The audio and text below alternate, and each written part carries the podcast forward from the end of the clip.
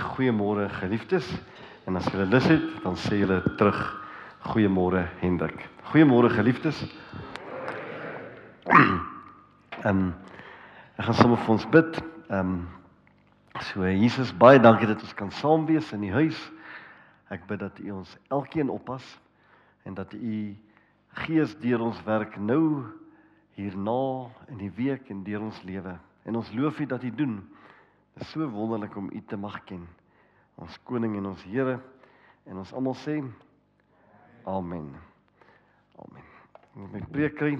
So ehm um, geliefdes, uh, vandag se teks is Matteus 22 Ehm um, ek sal vir julle 'n klein bietjie agtergrond gee. Hoekom het Matteus 22 uh, op my pad gekom? Maar ek sal begin eers deur dit te lees. Ehm um, vir die van julle wat saam lees, Matteus is in die Nuwe Testament en dis die eerste boek in die Nuwe Testament. Ehm um, so Jesus het weer in gelykenisse gepraat, vers 1. Hy het gesê met die koninkryk van die hemel is dit soos met 'n koning wat vir sy seun 'n bruilofsfees voorberei. Hy stuur toe die slawe uit om die wat reeds genooi is na die bruilof te roep, maar hulle wou nie kom nie. Toe stuur hy weer ander slawe met 'n opdrag: "Sê vir die wat reeds genooi is, die maaltyd is reg. Ons kan eet. Die beeste, die vetgemaakte vee is geslag en alles is gereed. Kom na die bruilof toe." Maar die genooides het hulle nie daarin gesteer nie. En een het hom na sy stuk grond en 'n ander na sy werkplek gegaan. Een het slawe gegryp en hulle mishandel en hulle doodgemaak. En die koning het kwaad geword en sy leer uitgestuur om daardie moordenaars dood te maak en hulle stad aan die brand te steek. Ek dink jy het ook gebid bid dat vestings moet val, né? Toe sê vir sy slawe: "Alles is klaar en reg vir die fees, vir die bruilofsfees. Maar die genooides was dit nie werd nie. Gaan na die straathoeke toe en nooi soveel moontlik mense as wat jy kan teekom na die bruilofsfees fees toe." Toe die slawe uitgegaan op die strate en almal wat hulle kry bymekaar gemaak, slegtes en goeies. So het die feesmaal vol gaste geword. En toe die koning ingaan om na die gaste te kyk, toe sien hy daar's 'n man wat nie bruilofsklere aan het nie. En hy sê vir hom: "Vriend, hoe het jy hier ingekom sonder bruilofsklere?" En die man het niks gesê nie.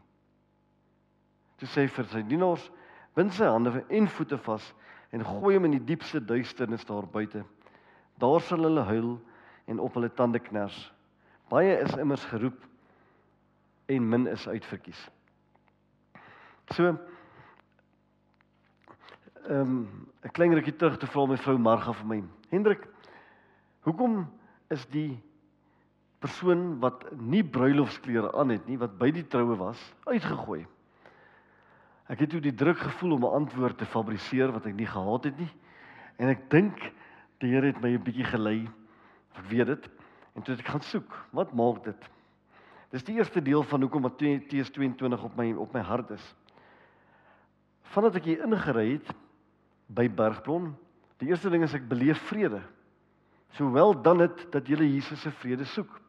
Die tweede ding wat ek die heeltyd hoor in gebede, in gesprekke, is mag godsdiens en wette val en mag die genade van die Here hier heers.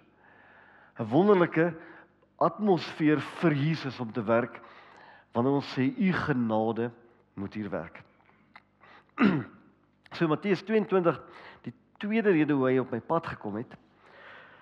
Is 'n baie lank terug het ek ons is vier kinders, ek is 'n um, seun van 'n gereformeerde dominee en my tweede oudste boetie het van ehm um, hy's 10 jaar ouer as ek en hy het van dat hy in die weermag is dwelms gebruik.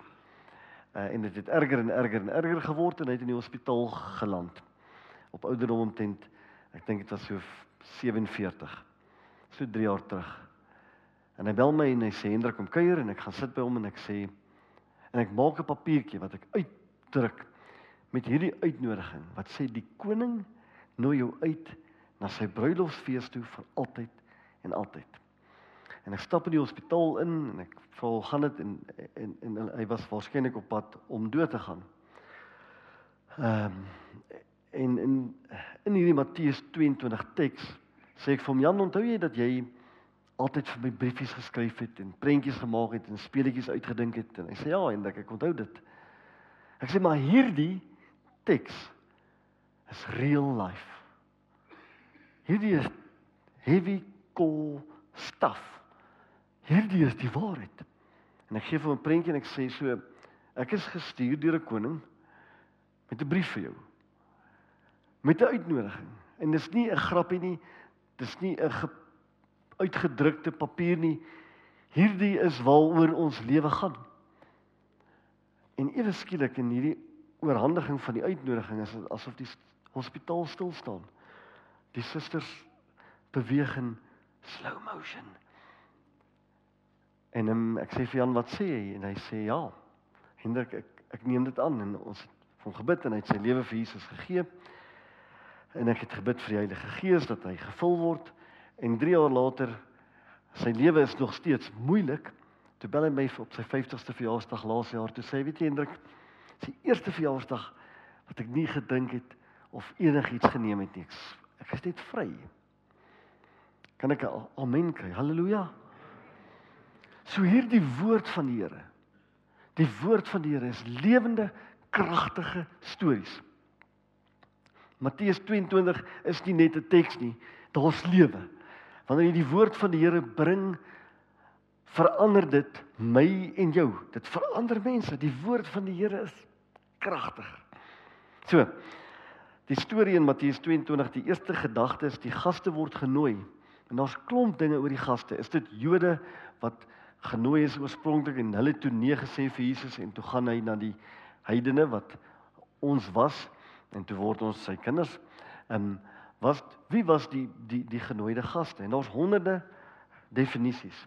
En later word die gaste wat uitgenooi is, die wat sê nee vir Jesus, word vestings afgebreek. En dit is so diep. Maar ek wil verder gaan en ek wil by hierdie gedeelte uitkom. Jesus stuur sy diensknegte uit. So hy stuur sy diensknegte uit na die mense op straat om hulle te nooi en sê kom na die bruilofsfees toe. Dit is belangrik om te hou onthou hierdie mense wat hy nooi en sê kom nou het ook nie bruilofsklere aan nie. Want hulle is net daar op die straat, goeies en slegtes. En hy sê vir hulle almal kom en hulle sê ons kom koning en hulle gaan na die fees toe.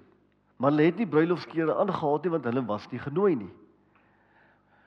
'n bietjie langer kom staan daar 'n ander man langs Jesus of langs die koning en hy sê waar's jou bruilofsklere en hy sê vir hierdie persoon gaan uit ehm um, hy sê vir sy mense wel bind sy hande en voete vas en gooi hom in die diepste duisternis daar by buite so daar's 'n klomp mense wat genooi word sonder bruilofsklere en hulle word ingenooi in die bruilofsfees Dis daar 'n man sonder bruidelsfees klere en hy word ingenooi. Hy is in en hy word uitgejaag. Wat het gebeur? Soos dit ek gaan kyk het, is hier wat gebeur.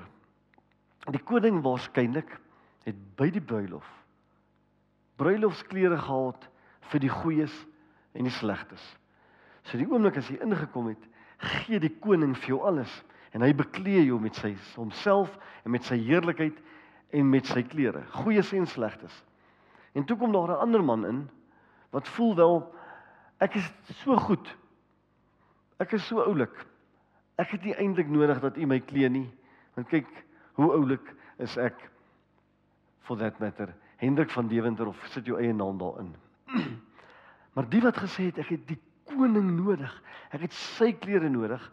Het deel gehad aan sy fees. So wat beteken dit? Die storie van as ek die Bybelse storie moet saamvat in een gedagte, is dit 'n pa wat sy kinders kom soek. En die hele Bybel is 'n verhaal van genade. Vol genade. So Ek wil wil iets hieroor sê. En dan bly by my. Bly by my. In die tuin van Eden was daar twee bome. Die boom van kennis van goed en kwaad en die boom van die lewe, Jesus. So ons boek begin met die storie van lewe teenoor kennis van goed en kwaad. Elke ander godsdiens op hierdie aarde baseer hulle godsdiens op doen jy reg dan sal Allah dalk van jou hou. Doen jy reg dan kom jy dalk hindoe terug as 'n koei. Werk hard en jy's in. As jy nie hard werk nie, is jy uit. Elke ander geloof werk so. Elke ander geloofse leier het geëindig sy laaste woorde. Boeddha Mohammed het gesê: "Hou aan werk, doen beter." Jesus het gesê: "Dit is dan." Tetelestai. Die koning van die bruilof het vir my en jou gesê: "My volledige werk het jou kom glee, nie jou werk nie." Wonderlik as jy die boek van Jesus bietjie vorentoe gaan dan vat hy sy volk, eers bevry hy sy volk uit Egipte. Hulle het nog niks gedoen nie. Hulle was nie oulik nie. Hulle het niks gedoen nie. Hulle het niks reg gedoen nie. Hy gaan haal hulle uit Egipte. Hy bevry hulle voordat hulle enige iets gedoen het. En hy vat hulle en toe gee hy die wet. Julle weet ons lees partykeer ehm um, die Here het die gebooie gegee, maar hy het eers sy volk uitgelei. So vir my en jou lei hy eers uit in die bruilofsfees in en dan wette. Dit gebeur toe dat hy vir sy volk vra sê vir my sal julle die wette kan onderhou? En hulle sê toe vir hom ja. Ons kan dit doen. Eksodus 19. En toe gee hy die wette. En van voor hy vir hulle die wet gegee het, is daar nie een persoon wat gesterf het nie. Uit Egipte almal leef. Toe kom die wette. Die volk sê ons kan dit doen, ons kan dit doen, ons is oulik. Ons is oulik in Jesus. maar toe die wet kom, toe begin hulle sterf. So toe daar 'n wet is en ons dink ons kan dit doen, dan gaan ons dood. Toe daar genade is en ons sê u doen alles en u beklee ons met alles en is u krag en is u lewe, dan is daar lewe. Laat ek dit weer sê. As jy by die bruilof opdaag in jou eie werke, in jou eie manier en die eie goeders wat jy doen, dan sê die Here nee, nee, nee, nee. Nee. As jy daar opdaag en sê Jesus het alles gedoen, die goeies en die slegtes. Welkom sê hy by my fees en ek Jesus beklee jou met my heerlikheid, met my genade, met my krag dan word jy vry vol vrede en daar's lewe. Wil dit weer sê wanneer ons default elke dag na ek het dit nie reg gedoen nie, ek wens ek het dit gedoen, ag nee, ek het weer 'n fout gemaak en jy moet jy moet bely en jy moet konfess natuurlik. Maar as jy lewe onder die wet en ons Hendrik ek doen dit die hele tyd. As ek weer sien as ek besig met my eie werke om God te beïndruk. En die genade van Jesus sê, "Wow, ek wil jou by my fees hê. Ek het jou kom nooi. Ek sal jou lewe verander en alles gebeur omdat ek jou klee." Is dit nie die wonderlikste uitnodiging om te weet dat die die las word gelig om te presteer om die koning te beïndruk nie want die koning sê, "Kyk hoe mooi lyk jy want jy het my aangetrek." Is dit nie die wonderlikste vrede om te weet die wet was gegee om vir ons te wys hoe verkeerd ons is en die wet was gegee sê die woord vir ons om te sê wat kan ons nie doen nie. Die wet is gegee om vir my en jou te sê wat kan jy nie doen nie. En toe kom genade en sê dis wat hy gedoen het. Trek genade aan.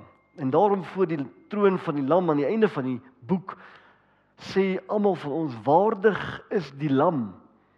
En niemand sê waardig is die lam ag en ek tog maar 'n bietjie nie, né? Waardig is die lam. Die lam, die lam wat alles gedoen het. En soos wat die woord van die Here kom, lig dit laste van wat moet jy nog doen, geliefde van die Here. In Johannes staan daar 1 Johannes staan daar ehm die wet, Moses het gekom en die wet gebring en genade en vrede kom van Jesus af. So die lewe en genade is by Jesus en die wet is op 'n ander plek. Ten slotte oor die of nie ten slotte nie. Um, in die Ou Testament het ons ons het 'n Psalm wat ons sing, Psalm 130. Dan sing ons um as u o Heer die sonde na reg wou gadeslaan, wie sou vir een enkele sekonde op hierdie aarde bestaan? En dan sê die fabulous woorde. Maar nee, daar is vergifnis. Eerste.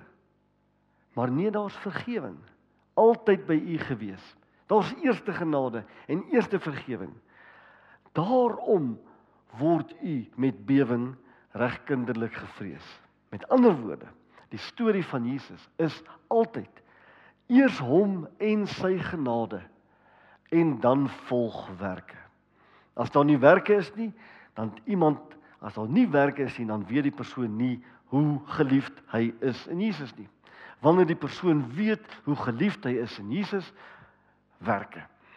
Want ons eers vergifnis en dan vrees vir die Here. Hoe kan U my so lief hê ten spyte van ek kan nie anders as om te werk nie. Wanneer dra jy vrugte?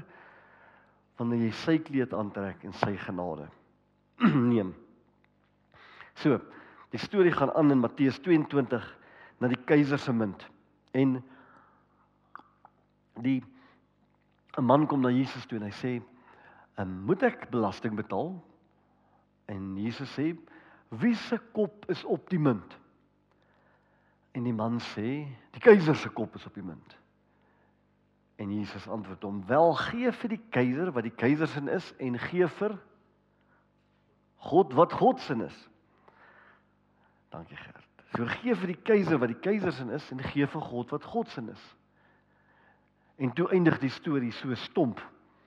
Want wat moes daar gebeur het? Die man moes vir Jesus gesê het: "Jesus, wat is God se?" En Jesus sou antwoord: "Wel, wie se gesig is op jou? Die imago Dei, die beeld van God. Wie se beeld is op jou?" En dan sê jy sê wel: "U beeld is op my." En dan sou Jesus sê: "Wel gee vir God wat syne is. Kom na die bruilofsfees toe, fees toe en gee jouself oor aan hom." En dan eindig Matteus 22 met die wonderlikste gebod en Jesus antwoord hom: "Wat moet julle doen vir die Fariseërs?" En hy sê: "Jy moet die Here jou God lief hê met jou hele hart en hele siel en hele verstand. Dis die eerste. En die tweede wat hiermee gelyk staan is jou naaste soos jouself." Aan hierdie twee gebooie hang die wet en die profete. So beloveds, hoekom sê ek beloveds? Toevallig in die Ou Testament verskyn God aan Moses en Moses vra, "Wat is u naam?" En die Here sê, "My naam is in Hebreëus Igyah Asher Igyah. Uh, I am who I am. Ek is wie ek is." So God sê, "My naam is ek is wie ek is." In Engels kan dit vertaal word na be. Ek, my naam is be. Ek was, ek is, ek sal altyd wees. Ek is 'n En dan staan daar 'n woord loved, geliefde, beloved. Met ander woorde, hier sit ek en jy, die be loved. Met ander woorde, jy sit hier en jou identiteit bo oor jou is jy is die beloved. Jy loop rond en jy word geliefd deur God. Toe Jesus net na hy gedoop is, Toe Jesus gedoop is, toe sê die Vader, dit is my geliefde seun. Dit het krag. Toe kom hy in die woestyn met krag nog steeds. En toe kom die duiwel en hy sê vir hom: "Is jy nie God se toe haal hy die woord geliefde uit? Is jy nie God se seun nie?" En hy bring 'n las en Jesus sê onder my voete. Die duiwel haal die woord geliefde uit en sit wet op jou sodat jy nie kan funksioneer in die oorvloed van Jesus nie. So jy is die geliefde van God Almagtig. En in die geliefdenheid kom daar krag om te leef en te werk en in die geliefdenheid kom daar vrede. En in die geliefdenheid is jy by die bruilof saam met die koning op grond van wat hy gedoen het uit sy groot liefde vir jou. Dit gaan my verstand te bowe dat God my en jou so lief kon hê. So lief kon hê ten spyte van wie ek en jy waarskynlik is. Om te sê ek sal alles doen vir hierdie geliefde kinders om deel te hê aan my bruilof. Amen. Amen. Kom ons bid saam. Almagtige God en Hemelse Vader, groot is u werke. Groot is alles wat u doen en dit vul ons met ons sag. Hoe is dit dat 'n almagtige God na ons kyk en ons liefhet en ons u kinders noem? Die wete oorweldig ons. Dit gaan ons verstand te bowe. Baie dankie Jesus wat u kom doen het, ons koning om ons deel te maak van 'n bruilofsmaal vry van wette. En in genade op genade kom daar lewe om in vrede u lief te hê met ons alles. En genade op genade om tree vir tree ander lief te hê. En in hierdie wonderlike liefdesverhouding hou u aan om ons heilig te maak. Ons loof U vir dit. Ek bid vir elke persoon hier. Ek bid vir Stefan, ek bid vir die team in Stellenbosch. Ek bid vir hierdie gemeente. Ek bid dat U hierdie gemeente nooit nooit nooit los nie dat hulle beleef hoe kragtige teenwoordigheid wat U hier het en hoe U deur hierdie gemeente 'n uh, gemeenskap, 'n stad en op alreeds die land aanraak. Ek bid dat die invloed wat U hier gee wyd en ver strek sodat almal kan sê ook deur hierdie gemeente. Elke knie sal buig en tong erken Jesus is die Here. Amen.